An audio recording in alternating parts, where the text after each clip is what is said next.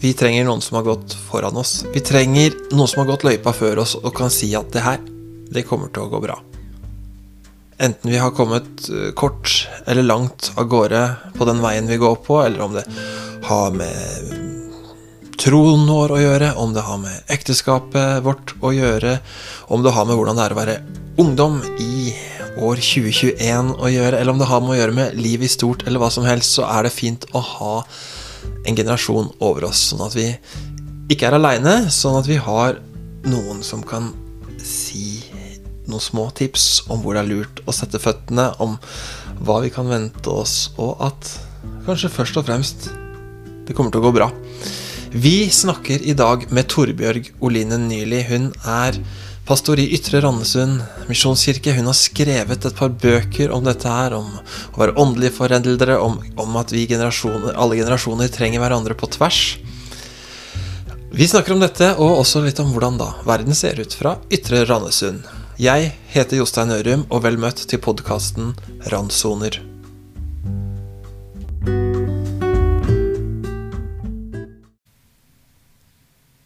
Noe av det fine ved å være pastor eller jobbe i en kirke her i Randesund, denne bydelen, dette området av land og området av Kristiansand, er at det er så mange gode naboer her. En av de gode naboene sitter foran meg nå. Torbjørg Oline Nyli, hovedpastor i Ytre Randesund misjonskirke. Velkommen hit. Takk. For det er jobben din nå. Du er eh, pastor i Ytre Randesund. Noen kilometer fra her vi sitter nå. Mm. Men kontoret er ganske nærme. Ja, vi sitter nede på Rona. Har fått nye lokaler nå, så vi sitter og ser ut mot rundkjøringa og kan skue opp bakken til dere. Så går ned på Meny og kjøper lunsj. Vi er fast støttepartner til ja, Meny. ja. Um, men din, altså, du hører jo til her. Den jobben har du hatt et halvannet år, to år snart. To år snart. Ja, Mhm. Men du har røtter her i byen. Ja, jeg er fra Kristiansand. Jeg er egentlig misjonærbarn, oppvokst i Tanzania. Og så kom jeg hit da jeg var syv år. Og vokste opp på Tinnaja Hamnevikåsen på andre sida av byen. Og gikk eh, mange mange gode år i Kristiansand frikirke. Hvor jeg også ble konfirmert og hadde ungdomstida mi. Mhm, Og så ja, så du, du hadde en sånn Troen var nært hos deg, da. Altså, fra misjon og frikirkebakgrunn og Ja. Altså, når jeg var liten, så hadde jeg min første agenda. Det var å bli tanzanianer. Jeg kunne Ja. ikke tenke meg noe bedre. Nei. Og så skjønte jeg etter hvert at jeg måtte gi tapt på den drømmen, og så tenkte jeg misjonær. Og så har det egentlig vært en eh, tydelig Troen har alltid vært der, også det å tenke tjeneste og Jesuslivet har alltid vært veldig nært. Kanskje særlig fordi jeg har gode foreldre og eksempler i det å leve i heltidstjeneste. Og så har det blitt en pastorjobb. Mm, Ja, for det er jo litt sånn de siste ukene så det kommet en ny bok nå om, om misjonærbarn som på en måte ikke Den er ikke så veldig snill. Altså Lene Ask har kommet med en bok som, som Så temaet misjonærbarn har fått litt sånn der hard medfart i det siste. Men nå har jo du en annen historie som du kom med nå. Ja, og jeg tenker at begrepet med rette, eller Mm. opplevelsen med rette, har vært veldig variert og veldig kritisert. Mm. Så vi er fem søsken som har fem helt forskjellige opplevelser av å være misjonærbarn. Mm. Mm, Men min du, var god. Du fikk en smak på at dette er noe du ville bruke livet på. Et eller annet, Ja. et eller annet må være sånn heltidstjeneste, som du sa. Ja, Mm, og så tror jeg vi egentlig alle er i heltidstjeneste. La oss bare si det fort. Mm. ja, ja. Ja. Men når, når vi snakker får bare om det, betalt. det blir for, Ja, ikke sant, man får betalt for det, og så har vi en oppgave som eh, Kanskje Ja. mulighet til å bruke litt flere timer og sånn, men det er, Ja. det er fint at du presiserer det. Ja, for jeg tenkte at jeg skulle bli misjonær og reise langt bort, og gjerne i et litt varmt land. Og så dro jeg på en bibelskole til New Zealand. Og jeg husker til og med jeg sa til foreldrene mine når jeg dro at dette er første stopp, dere. Hvem vet hvor jeg ender opp? Og så opplever jeg egentlig en ganske tydelig kallsopplevelse tilbake til Norge. Ja, Så skuffa. ja det, var litt, Ja. det var skuffende, rett og slett. Jeg hadde nok ikke samme Det var i hvert fall ikke for å oppsøke det trygge og stabile at jeg bare kom hjem, men et veldig sånn tydelig valg på at jeg da valgte bort det å reise til en annen kultur og et annet land. Og så har det bare vokst egentlig fram. Og jeg kommer da født og oppvokst i et land hvor det er ca. 60 kristne nå, i Tanzania. Og hvem vet hva tallet er her i Norge. Så sånn i gudsrike økonomi så kan jeg kanskje skjønne tanken, da. Her kunne jeg språk og hadde bodd her noen år. Mm. Og så har det vært med meg, og i perioder sterkere enn andre, at jeg ønsker å være en misjonær her. På lik linje med det vi alle kristne er kalt til, men kanskje med litt sånn spesielt utenifra blikk, ved å ikke alltid ha kjent meg norsk. Mm. Er det fortsatt en sånn slags sorg at du ikke bor i Tanzania eller på andre siden av verden? Nei, Eller har du forsona deg med ja, Norge? spør meg når må måke snø og alt det der, så, så sier jeg at Gud kunne sendt meg hvor som helst ellers enn i snøen. Mm. Nei, jeg har blitt glad i det, og jeg tenker jeg er takknemlig for å få lov til å tjene her. Men det, jeg jeg tror ikke jeg har det lettere her enn i et annet land og en annen kultur. Fordi nå har jeg til og med kommet hjem til Kristiansand, som alle andre kristiansandere også gjør. Som jeg aldri skulle. Nei. Og hvordan skal jeg bo her uten å bare søke egen komfortsone, oppsøke gode gamle minner, ønske å gi barna mine det samme som jeg hadde? Hvordan kan jeg leve misjonalt i noe som kan bli så trygt og så gjenkjennelig? Så jeg syns ikke akkurat eh, det nødvendigvis er lettere å tenke meg som misjonær her enn f.eks. nord. Nei. Men trygghet, er det, altså, er det en fare for troslivet eller tjenesten i kirken eller sånn, tenker du? Eller engasjementet? Jeg vet ikke om trygghet er ordet, for jeg tror han kan gjøre meg trygg både ute i jungelen og i, Mm, Du i fare. om, du snakker om Ja, så kanskje heller komforten. Mm. Ja, den tror jeg er en fare for oss, fordi jeg kan jo bli så opptatt av å bli inne i komfortsonen, og så gjøre det pent rundt meg i tillegg. Mm. yeah. Og så har vi vært mye hjemme det siste året. Men det kan jo bli en liten skummel eh, tendens, da. Hvis vi bare skal gjøre det som det er komfort i, og jeg kjenner jeg er på hjemmebane. Ja, så det å klare å pushe seg selv, la Gud lede også litt utover den ene, min egen komfortsone, det har jeg kanskje jobba mer med etter at jeg kom til Kristiansand. Ja. Mm. Men du tenker, Gud leder, sa du, så da, men det har vært en rei- reisen hit har vært at eh, her havna du, på tross av det du trodde, og kanskje du ser Guds finger i, i reisen din hit til Ja. Kristiansand. Jeg håper det. Jeg, For meg er et livsvers er det å leve et liv som er verdig det kallet jeg har fått. Da kan du jo tenke det strengt, eller så kan du tenke det som en oppmuntring. Men hvordan lever jeg et liv verdig det kallet jeg har fått? Det kallet vi alle har fått. Men for meg så blir det en sånn personlig utfordring på hvordan jeg svarer på et kall. Og hvordan jeg klarer å midt i den bydelen og gata og barnehage, foreldrefellesskapet jeg er i, hvordan kan jeg være salt og lys og gå litt mot strømmen? Det tror jeg nok er en liten sånn åre i mitt liv. og eh, ikke oppsøke for mye komfort og trygghet, for den kommer jo veldig fort snikende av seg selv. Ønsket og behovet for det. Ja. Mm, Hva vil du si kallet ditt er? Du snakka jo om at du tidlig tenkte at du skulle enten være misjonær eller et eller annet sånt eh, profesjonell kristen tjeneste, nærmest, da, for å et litt sleivete uttrykk på det. Men hvordan, hvordan, kan, hvordan vil du beskrive nå, her du sitter i livet, at kallet ditt var? Altså drivkraften til å gjøre dette her? Først, og det høres kanskje ut som det veldig rette svaret, men det har blitt ferskt for meg de siste ukene, at jeg har først kalt å være datter. Ja. Så hvis jeg ut ifra å være en elska datter som han har sin glede i, kan også få lov til å utføre noe, så tror jeg det er kallet mitt. Og da kjenner jeg en skaperkraft i retning av formidling. Enten jeg skriver eller snakker. Så har jeg lyst til å gjøre Jesus kjent. Jeg har lyst til å gjøre han eh, populær og ettertrakta. Så eh, det er vel det som kanskje er første kallet. Jeg er nok en lærer og formidler. Og så gjøre Jesus tilgjengelig også ved å lage samlingsplasser som kirken da kan være.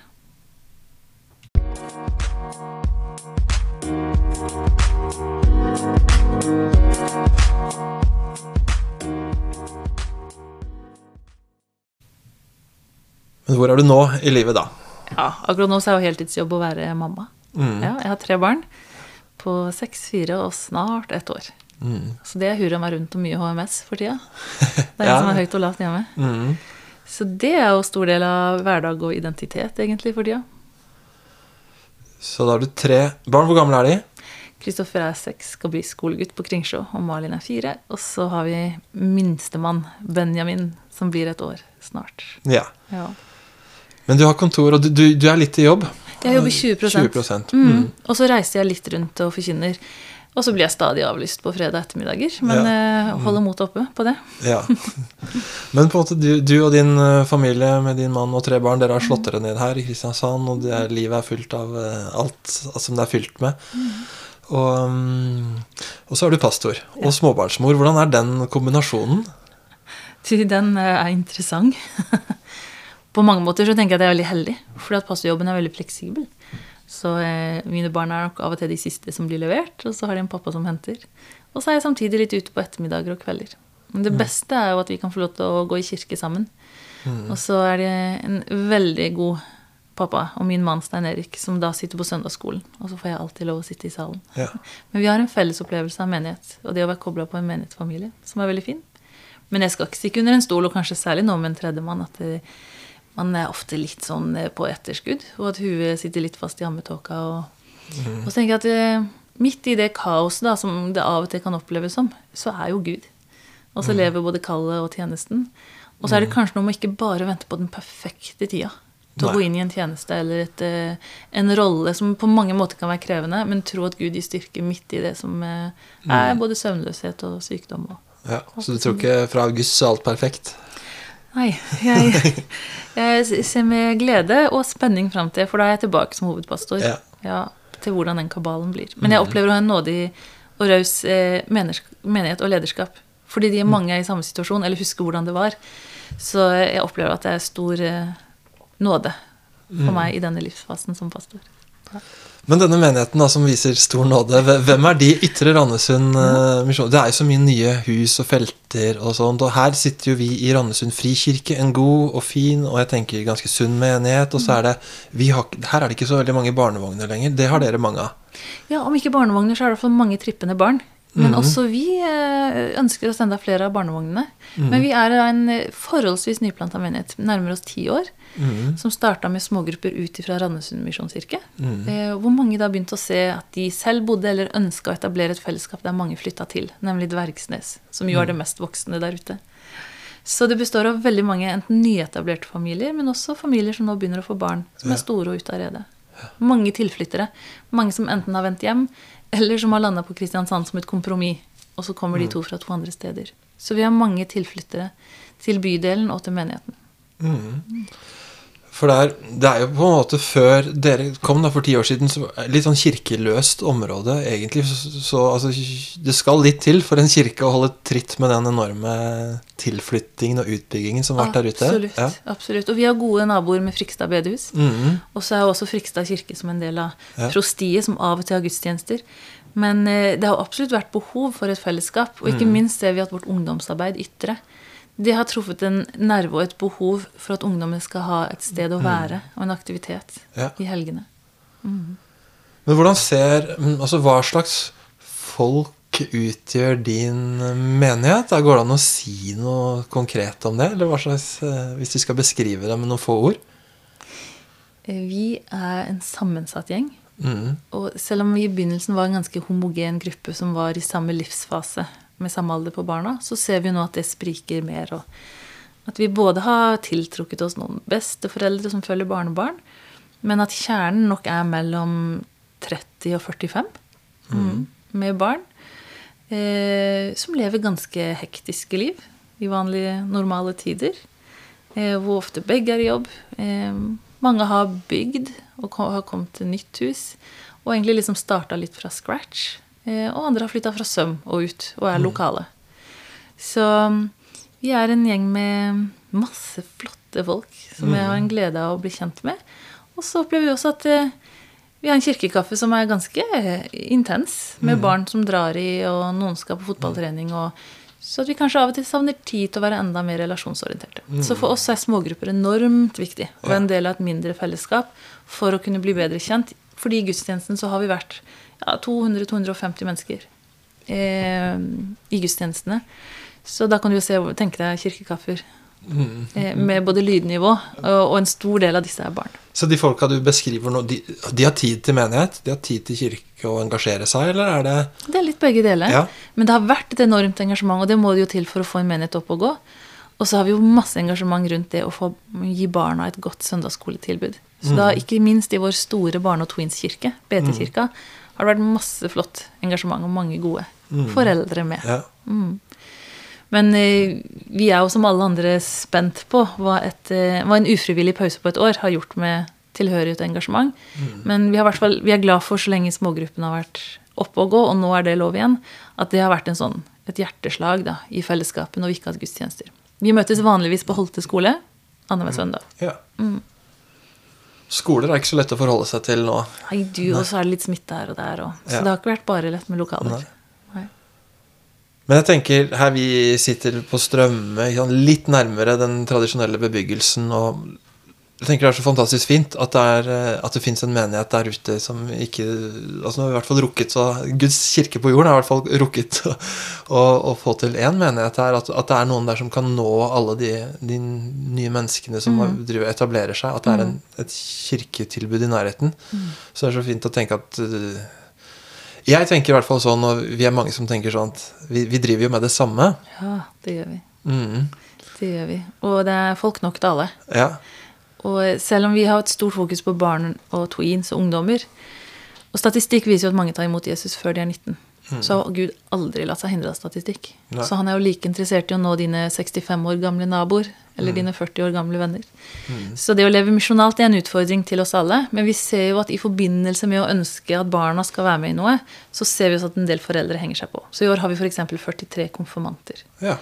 Eh, med sine respektive familier. Som mm. jo er en kjempefin mulighet til å bli kjent. Mm. Hadde vi bare kunnet møttes litt mer. Ja. Men det er jo klart vi foreldre kan vel sies å være en målgruppe ut ifra mm. arbeidet vi også har for barn og unge. Ja. Der det er mange kirkefremmede. Mm. Mm. Jeg har hørt at du har sagt at du først, kanskje ikke først og fremst er pastor eller forfatter, eller sånn, men først og fremst Hvilket ord bruker du da? Og når vi snakker om tverrkirkeligheten økumen? Er økumen. økumen ja. ja. Jeg er utrolig glad i det felles kirkelige. Ja, for når vi, snakker, når vi, bruker det ordet, så mener vi Ja, det tverrkirkelige. Ja. Det å kanskje være litt blind på de eh, litt usynlige grensene som er mellom oss, som vi enten kan gjøre store eller små. Mm. Mm. Og så har jeg vært mye rundt og reist i forskjellige kirkesamfunn de siste åra, og jeg blir like glad i og fascinert av og beundrer de menneskene som står på for Jesus, uansett hva som står over døra, mm. hvilken alder de er i, og hva som er deres fokus. Så vi driver på med det samme. Driver med det samme. Har nokså mye å lære av hverandre, har vi ikke det? Det har vi. Ja. Det har vi. Og så trenger vi ikke finne opp hjulet alle mann. Nei. Vi kan se på det som eh, funker hos andre. Mm. Og så kan vi være med og velsigne at noen får til noe vi ikke får til. Mm, for det er vanskelig. Ja, det er kanskje det. Ja. Og kanskje er det konkurranseinstinktet som kommer på at vi, vi skulle gjerne hatt den største søndagsskolen. Ja. Vi skulle jo gjerne hatt de eldre hos oss. Ja. Men å klare å velsigne at noen andre har, og får til det vi ikke får til, og avlyse konkurransen. Men la oss heller berike hverandre.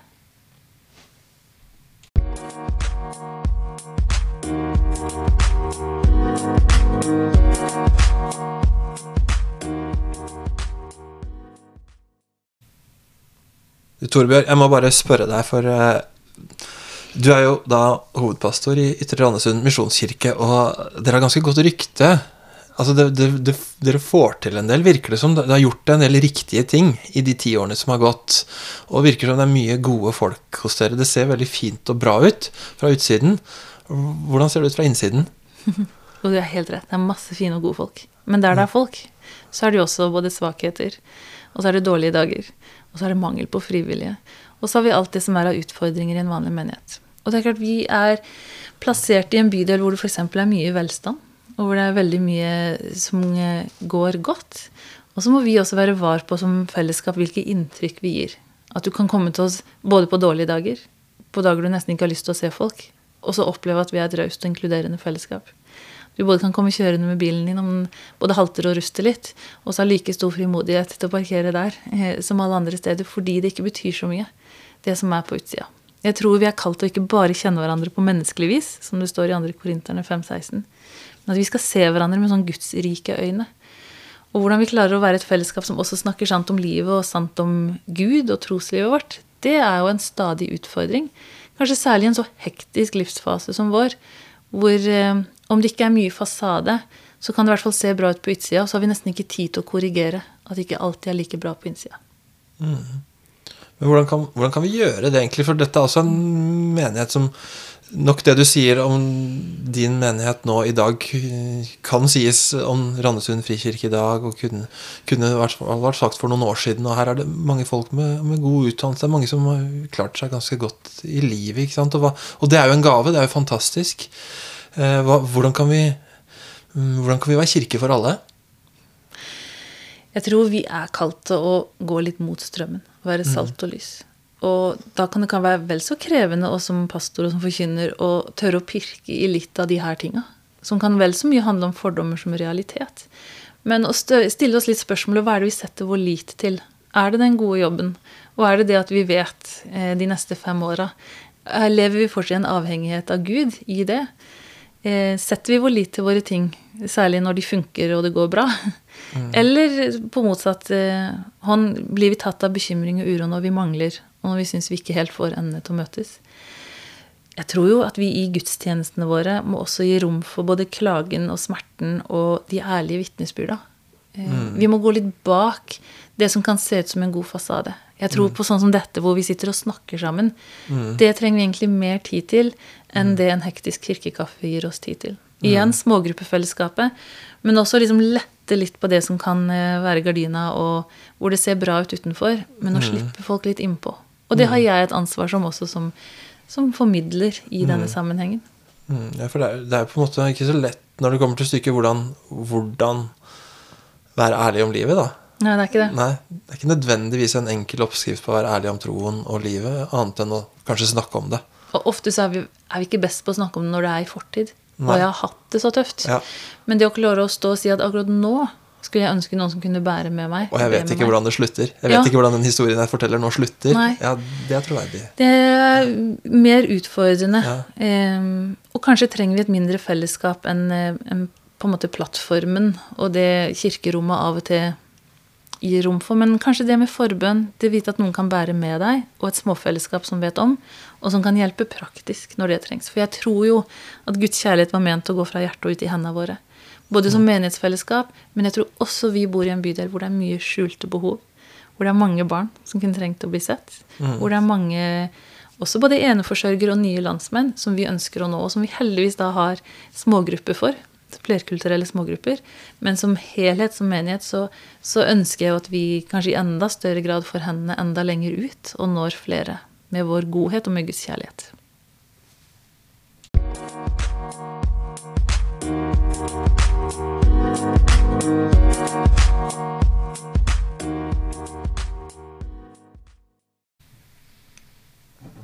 Torbjørg Oline Nyli, du er jo pastor, men du gjør andre ting også, vet jeg. Du eh, reiser litt rundt, som du har sagt, som forkynner her og der, men du skriver også.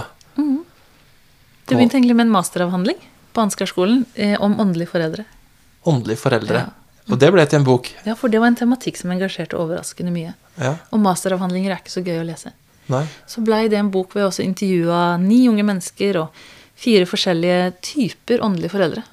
Hva mener du med åndelige foreldre? Ja. Definisjonen jeg måtte lage, dette var et akademisk arbeid, det er personer som på veldig ulikt vis velger å vise omsorg og gi veiledning om tro og liv. Og åndelig foreldreskap det kan skje uavhengig av alder, sivilstatus. Og det forutsetter ikke at du har egne biologiske barn. Nei. Så definisjonen er så vid og brei som mulig for å oppmuntre til å se noen som er enten yngre enn deg, eller som kanskje er ferskere på veien enn deg selv. Mm. Og egentlig et, en, et rop eh, som jeg oppfatter fra de unge etter voksenkontakt. Og med de unge så kan du bare tenke at det er de som er yngre enn deg. For dette er oppe i 40-50-åra, og det er de i 20-25-årsalderen som så gjerne skulle hatt noen som var gått litt lenger på veien, som de kunne snakke med, bli lyttet til av.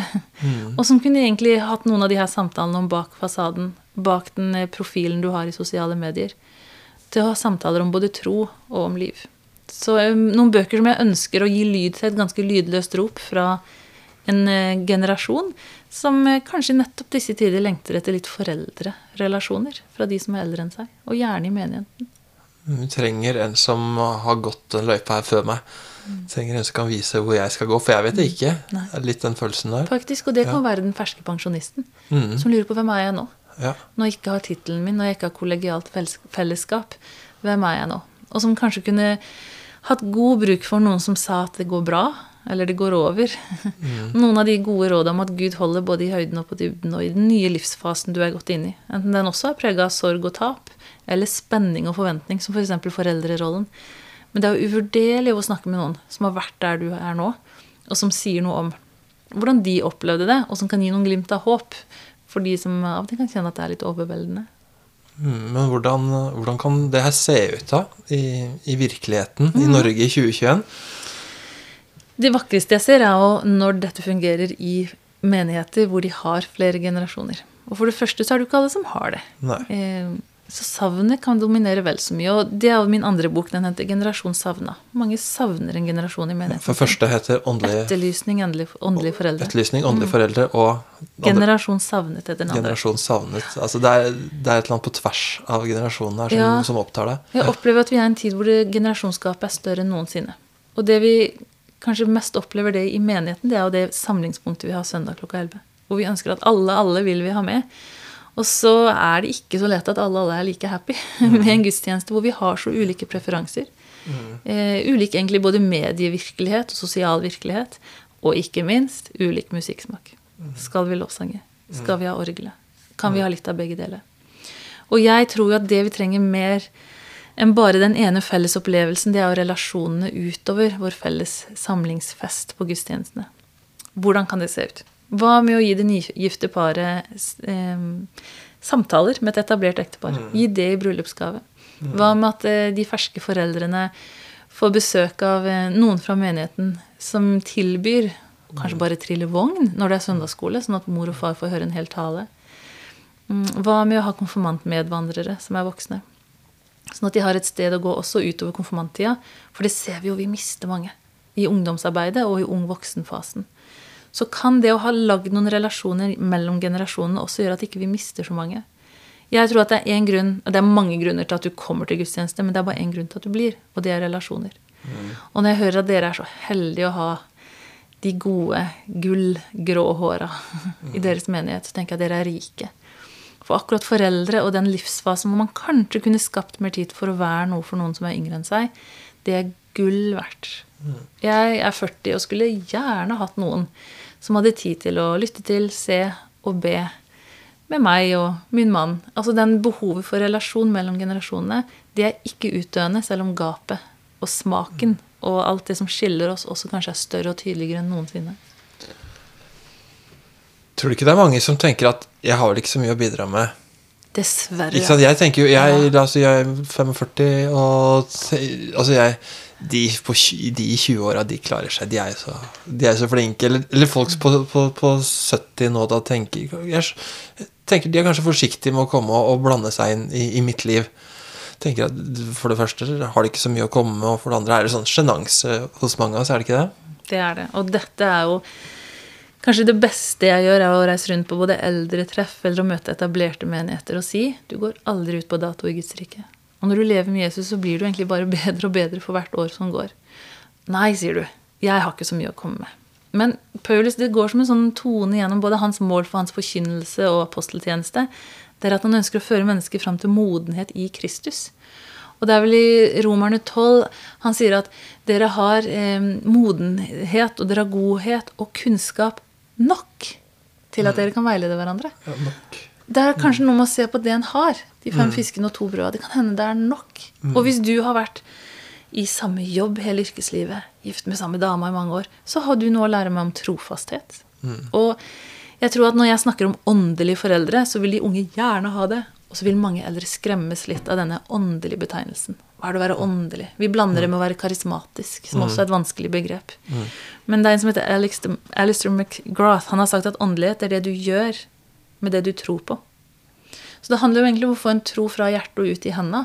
Og der har mange av dere som har levd lenge, så mye å lære av oss, som kanskje er store i ord, men som syns det er litt vanskelig å få den ut i henda. Mens her har du f.eks. en dugnadsgenerasjon som jeg er sikker på har vært med å gjøre at dette bygget er der det er i dag, og som har mye å lære mange unge om det å få troen ut i henda, om å være trofast i det en er satt til, og det en er kalt til. Men hva er det Det er litt skummelt også, hvis man tenker på å Hvis man tenker at jeg tror, Hvis man kommer dit, da, at jeg kanskje faktisk har noe å bidra med, jeg har nå i hvert fall eh, et liv um, som er noe verdt. Og så det, det kan jeg for så vidt godt dele noe av med andre, men jeg er litt redd for å bli avvist hvis jeg melder meg. Det er kjempeskummelt. Ja, Det er veldig sårbart når man går inn i det der. Og apropos å tørre å bevege seg ut fra komfortsonen. Det er som å være tenåring og spørre på sjanse igjen. Men å invitere en familie i kirka, velge å lære seg navnet på barna deres, invitere et ektepar eller en, en enestående hjem og si 'vil du ha en kaffe'? Og så er det ikke mer forpliktende enn at du begynner med noen små treff. Jeg pleier å oppmuntre til å være forbereder på ungdomsmøter. Og så se noen steder så er det touch av Nei, her tror jeg det kunne blitt en bedre prat. Et annet sted enn bare etter møtet. Og gripe de mulighetene som er. Eller å komme til deg eller Unni og si du, jeg vil gjerne stilt meg til disposisjon. Og så kunne kanskje pastorer og eldsteråd være med å legge til rette for relasjoner. Kanskje legge opp til noen kvelder der vi sitter rundt border og ser hverandre i øynene, og ikke har så mye musikk. Sånn at det vi enes om, kan få lov til å stå i fokus. Jeg tenker menighetsvikener. La oss reise bort sammen. Og så ha tid til også de relasjonene som kan oppstå. Og mange spør meg hvem er det som skal ta initiativ til en sånn her relasjon. Eh, og i det naturlige så er det jo alltid foreldre som tar initiativ til å få barn, og kanskje trenger de voksne å bare si noe om at jeg er her. Jeg vet ikke om det er gull, alt det jeg har. Men det er nå både skuffelser og det som ikke blei noe av. Og det kan være gull. For en, en generasjon som har veldig høye forventninger til både liv og ekteskap og jobbliv. Og så kan jeg si 'her er jeg', send meg. Og så tror jeg de vil oppleve at det er en etterspørsel, det er et behov for nettopp det du har, og den du er. En av de tingene som Jeg tenker ikke så mye på det, men jeg tror det har vært veldig viktig. Nå har jeg vært eh, gift noen år, altså runda 20 år nå. Men eh, jeg husker jeg hadde akkurat fått eh, ring på fingeren. Eh, Forlova med Camilla. Og så var det en mann som jeg, jeg kjente han lite grann, hadde hatt noen prater med han, og så spurte han du eh, Ser du har ring på fingeren. Eh, Vil du komme hjem til oss? Vil dere, du og Camilla komme hjem til oss noen kvelder framover? Og så kunne vi hatt litt vafler og snakka litt om hvordan det er å leve sammen.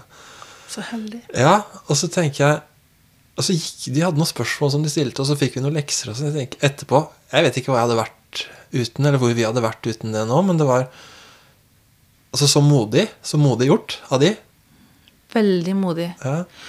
Og tenk at man kommer og kan tilby ikke bare det en har fått til.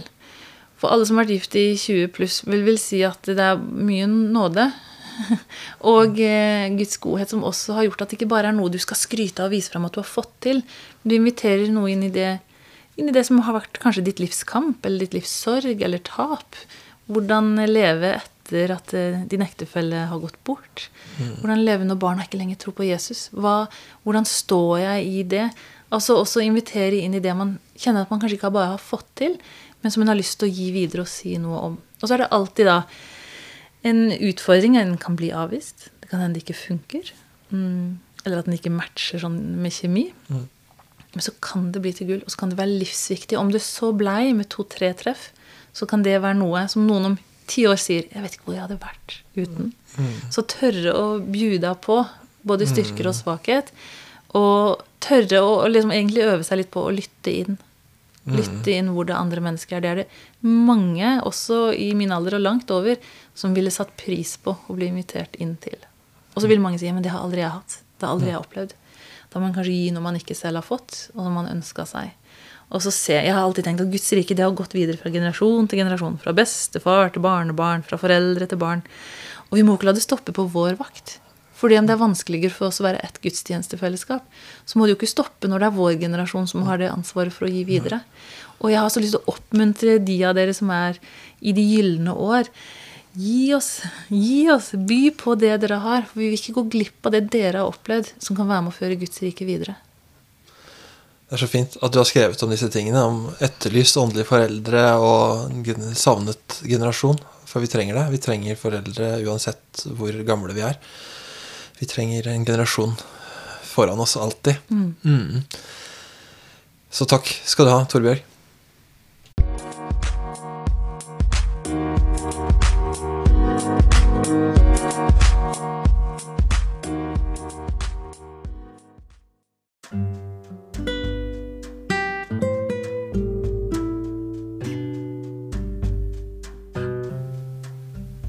Vi nærmer oss slutten på denne podkasten. En ny episode i Randsoner. Podkast fra Randesund frikirke. Altså, vi snakket med Torbjørn Oline nylig, og vi pleier å avslutte disse samtalene Torbjørn, med i Bibelen. Vi har vært innom den flere ganger allerede i denne samtalen, men er det i Bibelen, i hele det fantastiske, rike persongalleriet, er det én person der du har lyst til å trekke fram nå som, har vært viktig for deg? Du mener mer enn Jesus, som er den viktigste? Mer enn, mer, Ja, hvis du har en annen Jesus. enn Jesus. Du, er sikkert inspirert av at vi har vært i påska, men jeg skulle så gjerne vært ei av kvinnene ved graven. Mm. Som også hadde gått sammen med Jesus mange år. Som nok eh, kunne skrevet noen bøker eh, de òg. Fordi de hadde sett og kanskje oppfatta andre ting enn det de som har skrevet evangeliene, har gjort. Som har fått lov til å se Jesus gjøre under, men som også har fått lov til å stelle foran. Eh, de hadde vaska eh, hans føtter med sitt hår og sine tårer. Eh, og så ble de de første evangelistene. De første som ble, ble betrodd de gode nyhetene om at han er oppstanden. Og eh, det har kanskje levd mest i meg denne påska, det å få lov til å være en tidlig morgenstund ved en tom grav og være redd. Og så bli møtt av verdens beste budskap, som du nesten ikke kan tro, men som en da blir betrodd til å gi videre til Jesus sine nærmeste. Så kan en jo spørre seg hvem som var de nærmeste, da. Mm. Når det var de som var de første som fikk høre at Jesus var stått opp. Så det har jeg lyst til at skal være også mitt livskall og min tjeneste. Å få lov til å fortelle at Jesus lever.